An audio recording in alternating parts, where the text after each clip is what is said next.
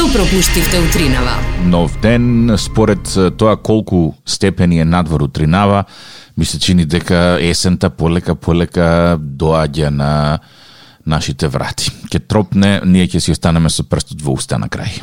Ние ќе си останеме со кратки ракави без да знаеме дека есента е веќе пристигната, а за денес она што мене особено ме радува е дека се очекува да имаме целосно сончев ден. Кај мене па целосно- века ќе врне, Кога? попладне. Не, грешен ти е. Па сега еден е грешен, тоа го заклучивме изминатиот период, само прашање е кој е грешен, дали Значи, јас, дали што ти. мене ми го кажува е дека ќе врне дури во недела.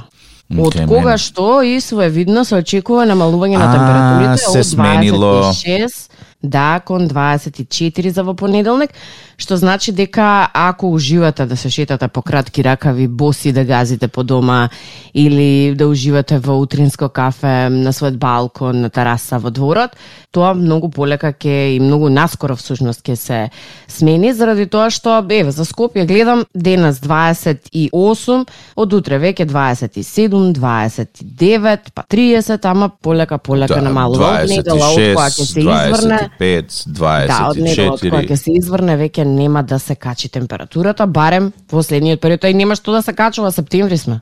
Така е, така е. септември сме, толку е, доста е. Вади зимските кебиња полека полека. Време е. Ноките ќе бидат се постудени, утрата ќе бидат свежи. Јули, доста беа. Сега за сега.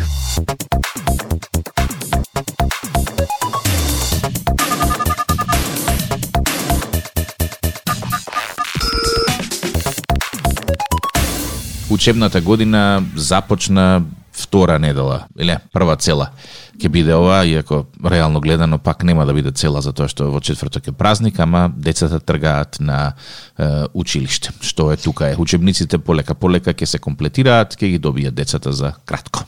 Е сега, додека децата ги добиваат за кратко и веќе часовите почнуваат на големо нели да се реализираат, ги имаме и првите лекции во училиште, па првите тетрадки се употребија, па ќе се учи и така натаму. Мене ме интересира еден момент кој што јас вчера сосем случајно им го начна вака домашно, им го прочитав како таков, заради тоа што гледам дека голем број на родители реагираат на истиот. Јас сум сигурна дека можеби ако немате деца во моментов или школарци ако немате во моментов ќе се присетите на вашето детство, односно на вашите училишни денови, каде што од дома не испраќале, да речем па до кај 6-7 оделение со подготвен ручек, или Ручек. подготвена ужина, која што најчесто била дали кифлички баба месела, дали се направило нешто сецкано, да речам овоше зеленчук и така натаму, убаво стокмено во едно кутивче пластично со салфетка и со потребен прибор пластичен и веќе некаде таму во средношколските денови знаеле моите да ми фрлат по некој денар од типот на 30-50 денари за да одам во училиште, за да го заменам, да речеме, тој брок, затоа што во тој период веќе и никој не купуваше, да речеме, односно никој не носеше од дома, туку купувавме од локалната продавничка која што нудеше во наводници екстра свежо, екстра тази, екстра превкусно, е, да речам, мени, кое што сум сигурна дека па вкусот му се состоеше од препржувањето на компир во исти зетин долги долги години, но не е ни важно сега, да. Сега како возрастна ми е јасно, ама тогаш ете гледаш одредени работи ми биле не баш јасни или сум мислела дека е така како што мислам. А, проблемот се јавува не кај повозрастните, туку кај најмалите, кај првачињата, вторачињата, третачињата, кои што а, дел од нив се во а, зависи сега кое училиште а, има опција целодневна нели настава каде што Да храната е покриена од самото училиште и каде што имаат мензи во кои што нели јадат дечињата. Да. Е, некогаш е манџичка, некогаш е овошје зеленчок, не е ни важно што е, меѓутоа си имаат убаво подготвени оброци и родителот колку толку е свесен дека неговото дете нема да гладува во текот на Така тие е. 8 таму 6 часа колку се. Па каква и да била храната? Каква и да била ја јадат сите, а сигурно некој ја контролира на крајот на крештата, не е дека е тој препражениот зетин што ние го јадавме во школски двор. А, од друга страна, мене ме интересира и ме зачудува фактот давање на енормно големи суми на првачиња, вторачиња и третачиња, неподготвување храна од дома и оставено детето во прво и во второ оделение да одлучи што му се јаде. И што мислите, драги Чипс. родители, што давате пари? Што му се јаде на вашето прваче, втораче или третаче? Чипс. Му се јаде пица, му се јаде сладолед, му се јаде лижавче, чипс. Е сега од друга страна Му се јаде све што не е храна. Да, се што не е храна му се јаде, да, и се што шушка и е светкава. Од друга страна, тоа прваче, втораче или третаче, со парите кои што сте му ги дале, треба да помине веројатно улица за да си купи оно што сака да јаде во текот на е, училишниот ден. А трета Така многу битна работа е дека тоа прваче, втораче и третра, третаче, од тој чипс и од тоа лижавче ги има ли потребните нутритивни вредности да го издржи часот, Апсолутно да не. биде фокусирано на час? Ти е шекерна инекција, ќе рипнеш, ќе ќе скокнеш првиот Да. час и после тоа наеднаш бум паѓаш. Од друга страна, на големо се исмевани одредени деца кои што носат подготвена храна од дома. Од оваа појдам на точка да седна мајка ми да ми сецка, да ми спреми, да ми направи, па ја ќе бидам жива преблагодарна за тоа што го направила за мене. Да, зошто веќе не се е подбив. А од друга страна следам многу инфлуенсерки, блогерки, мајки во странства, значи функционирањето на тој начин ужинка подготвена од дома, донесена во училиште од страна на децата е сосем нормално. Да. И сега што ние од денеш како, ау, срамота од дома и донеле. Види, мајка и направил. Тоа не е срамота, сам тоа е срамота, а не е срамота дете даде лижавче и чипс. Тоа не е срамота. Браво, родителов има ќе даде.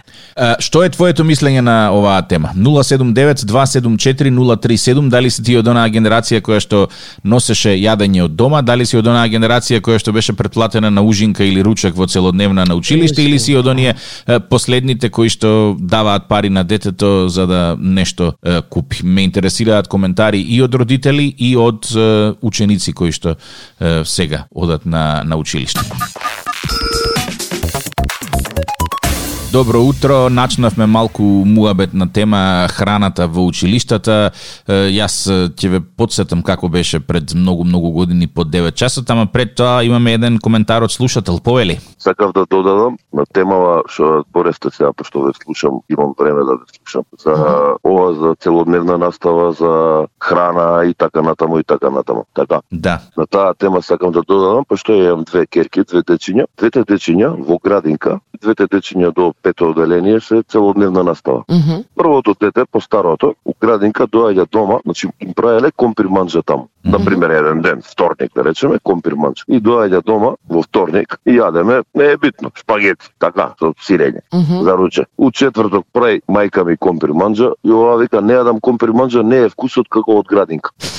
Опа. Значи, малце сме напреднати во таа е, мисла, Мгм. куварите и државата, ветеринарните инспектори, санитарните инспектори се грижат за поготово за градинките и за школите. Значи во градинките и во школите готват професионални кувари, готват перфектна храна. Супер, мило ми е да го чујам ова, затоа што не секогаш беше така. Од мое искуство во изминатите, да речеме, 7 години.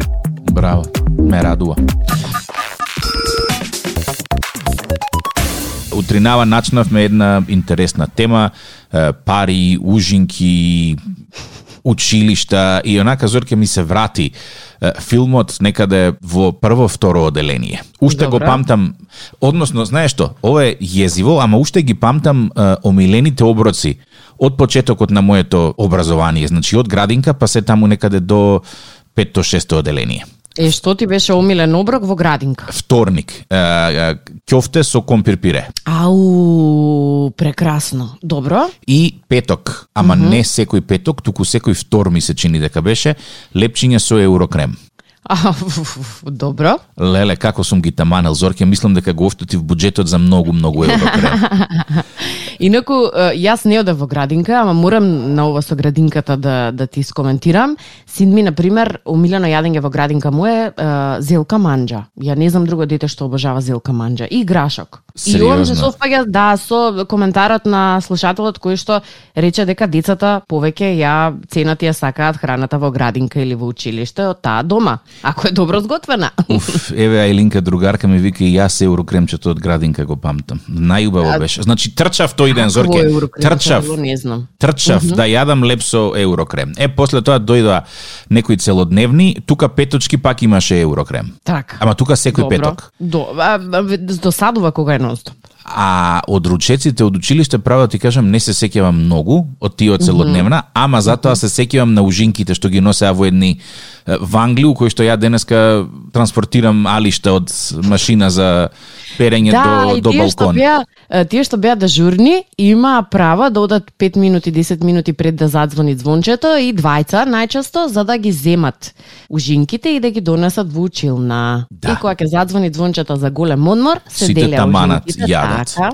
Некогаш беше со јогуртче, некогаш беа од оние кифли, а, млечни кифли. Ау, па Нигде веќе не ги прават тие млечни кифли. За жал не. Ама, ама имаше добри ужинки реално на времето. Имаше нај знам која ми беше најнеомилена ужина. Која? Имаше еден не полжав еден имаше. О, тоа беше неестиво според мене. Ау, сега Саде знам- суво тесто. Е, не знам каков полжав вас ве служеле, ама ние имавме полжавче со сиренце. Е па со сиренце беше, ама И не беше убав. Е, многу вкусен. Значи, Мене па тоа ми беше многу убаво. Не, не. Ама види се, каква каква порака праќале тогаш секој ден тесто. Ами кај е тука разновидната здрава исхрана, кај се овошето и зеленчуците кои што на голема врата сите велиме дека треба да ги конзумираме. имаше понекогаш имаше и десерт, тоа беше јаболче. Не памтам. Зелено Десерти јаболче. памтам наполитанки ни даваа по пола. А е такво дебелото дете стана дека може цела наполитанка да ми даете пола. Кај ме најадува мене пола. Полче, еве за тик-так полче. Тик-так едно дебелко со образи, полче ќе му даете. Како не? Ништо полче ми го заби ке го изгуби. Цел живот тик-так пораза полче, полче. Нема полчиња цело дајте.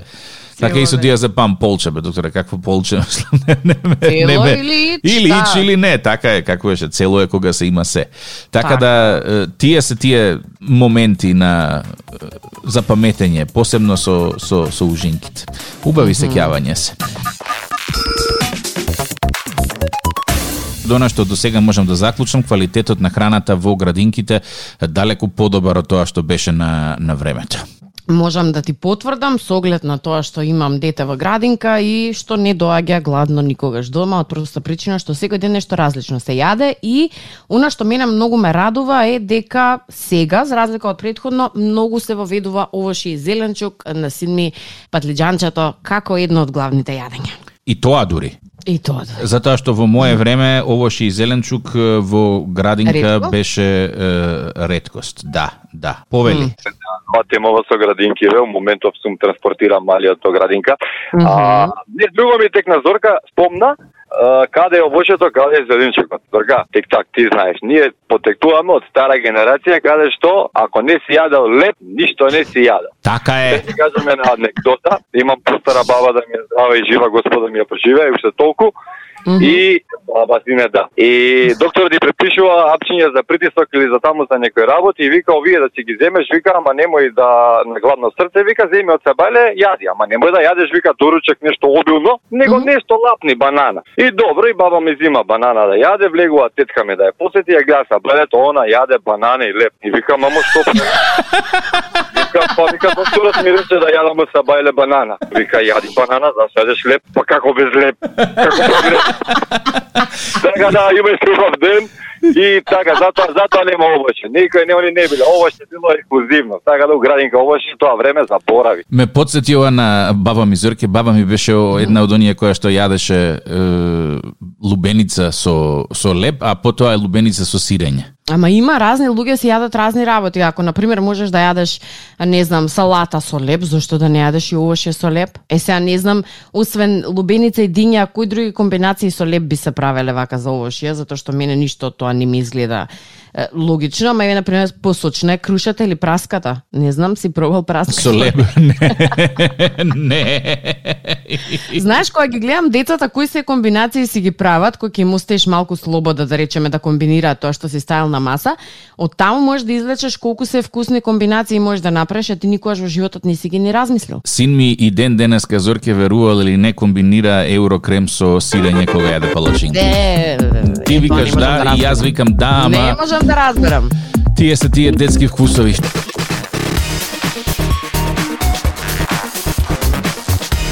Добро утро, повели. Се јава родител на три малолетни деца кои се основци Добро, и за и околу темава. слушам. Во наше во наше во општество изгледа едно правило важи онаму каде што нема хиерархија, владее анархија. Зашто викам околу ова? Значи, ај децата што меѓу себе се мерат, да речеме, кој што има и колку има и како има, Не- него и сами, самите наставници кои ќе заправите муабет, вика, ај, ќути, ние во основствие сме горе-доле добри, него овие колегиве во средниве, вика, денес како подвикне на едно дете, утре вика со два диезепама иде на работа, зашто знае родителот ќе дојде тука да хистериша, да објаснува колку како што треба. Значи, нема хиерархија, не се знае кој на кого отчет дава. А, секој од некого се плаши со закани дека ќе биде избркан од работа. Е, Мора, тоа е тоа што јас велам, нема авторитет веќе останат во образовните институции. Значи, Znaczy, мора да се стае една штрта. Се знае, наставник, професор, барем ја не сум кој знае што стар, 83 годиште сум, ама или веќе во стари може со овие параметри да се водам, ама во наше време влегуваше професор, стануваш, седнува, он седнуваш ти, кажува тишина, тишина. А ако не вратата, знае кај, дека не смеш да го избркаш дете, ќе го избркаш да стане како работа. Така е. За жал, премногу демократија не е нарно, премногу недемократија пак не е нарно. Врти се учи, што да ти кажам.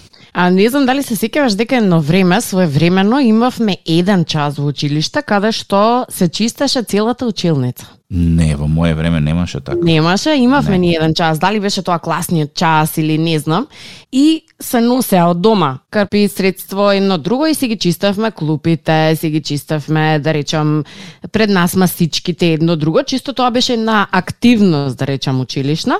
Веројатно може и да било на оние празници денот на дрвото и така натаму, меѓутоа мене па многу ми се допаѓа моментот дека е, никој не беше изоставен од таа активност. Туку сите едногласно, значи и сите заедно чиставме се она што ни беше како е, простор за користење, да речеме, простор во кој што е, седевме, а еден слушател баш имаше пишано и порака дека на времето биле е, примору Ајде, Приморани? Не, не, не биле приморани, лош ми е изразот, меѓутоа им било кажувано да си носат крпчиња, за после дењето да си избришат клупата. А, у. Е, сега тие работи ги нема, мама брише дома, како може синко да брише во училиште, ти се молам ке му падне чинот принц. И Леле. од тука натаму веќе работите се изместуваат, што јас мене апсолутно многу симпатично ми е кога гледам дека и машките деца исто се се во домот и во не само во домот и во училиштето исто така работат сите заеднички заради тоа што нема поделба, зошто да има поделба? Нема ништо посимпатично тоа и машки и женски деца да знаат како да си го одржуваат да речем просторот на кој што учат. Па на крајот на крајштото таа клупа за нив е. Така е, и во Јапонија, ако не се лажам, остануваат по училиште да ги чистат клупите, ама далеку сме ние, далеку е Јапонија.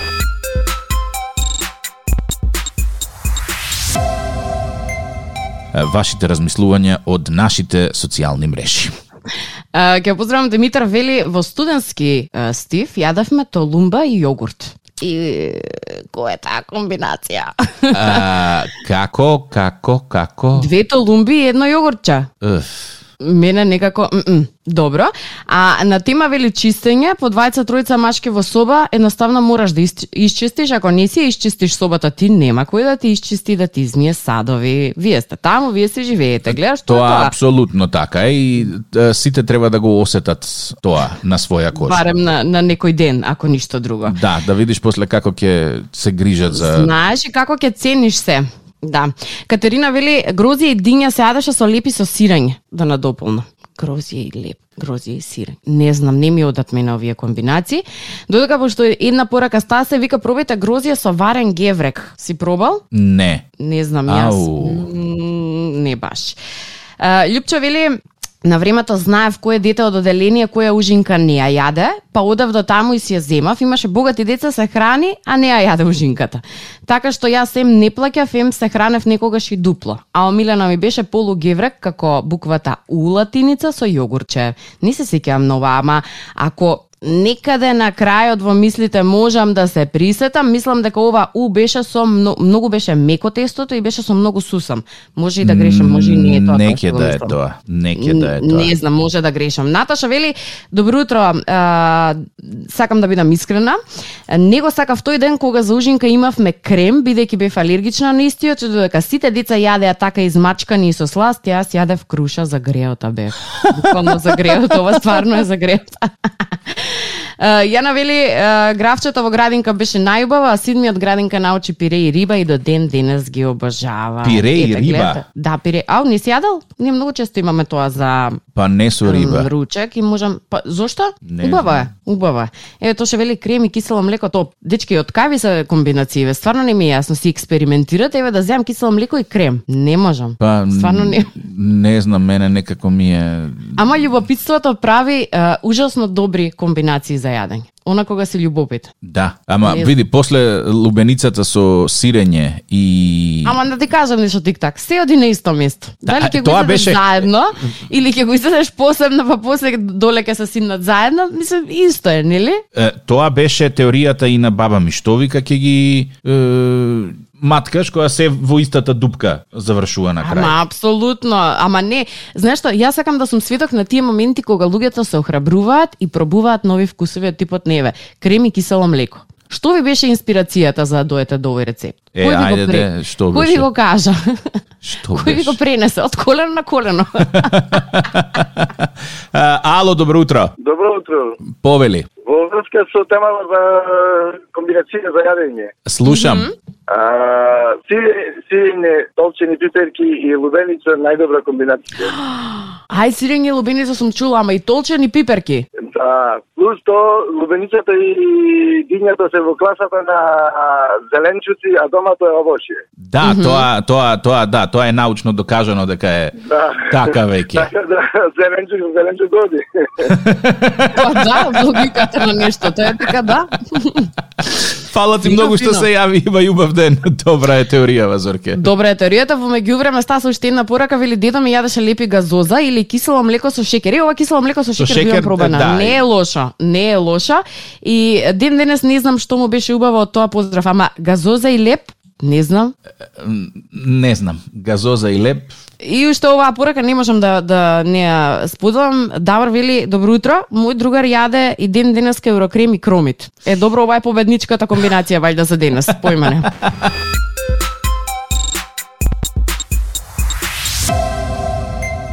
Денеска дискутираме за храната, храната во училиштата, храната во градинките, храната дома.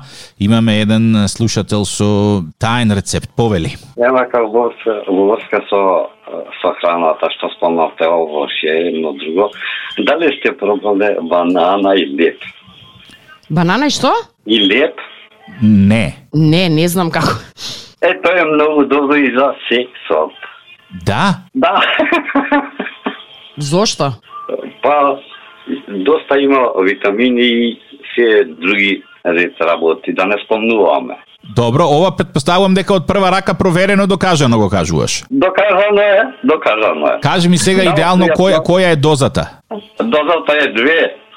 Со едно лепче, со едно кривче лепче. Значи две банани со кришка леп. Да, Колку време пред чинот треба да се конзумира? нема врска. Прво на сабајле. А, добро, значи целодневно држи. Добро е да се знае. Ето рецепт.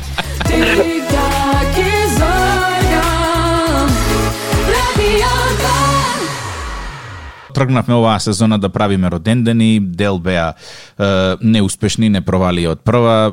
Уствари, се уште Зорке не сме направиле роденден оваа сезона, каде што не не откриле. Е, па штета, штета искрено. Е, еве уште еден е, денес. Нема како.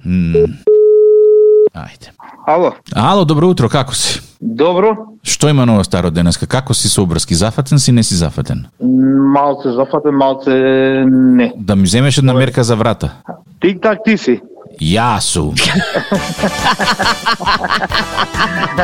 Се Сашо, ти си? Да, да. Среќен роден ден, Сашо. Фала, фала. Жив и здрав да си и најсреќен. А, ние добивме порака да те разбудиме утре, ама ние не само што не те разбудивме, туку те фативме на работното место. А, а она што е многу важно е да ти кажеме дека идејата за вака да те изненадиме са балечки беше од твоите керки Христина и Маја. Фала. Се предпоставував дека може да направат ваква, да речем, вакво изненадување. Меѓутоа, тик-так и, а, и тебе, Зорка, ве слушам, а, да речем, многу време и гласовите ви ги памтам. Ве познавам, нема што. Одлично. Како ќе се слави денеска?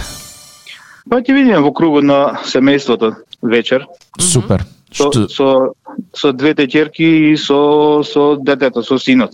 што и да правите, Нормално со сопругата. убаво да си поминете и памет во глава. А, фала многу, фала. Треба Зорке да почнеме друго нешто. Кој најбрзо ќе не препознае кога ќе честитаме роден ден? Аха. Значи, кога ќе ќе уште кога ќе кренат, кој ре тик так и зорка. Да. Толку? Толку. Па нема ништо интересно. И кој ќе биде рекордерот во препознавање на на тик-так и Зорка? Ќе ги мериме со штаперите. На Радио 2, секој работен ден од 7.30. Будење со Тик-так и Зорка. Во случај на неконтролирано смеење и симптоми на позитивно расположение, консултирайте се со вашиот лекар или фармацевт.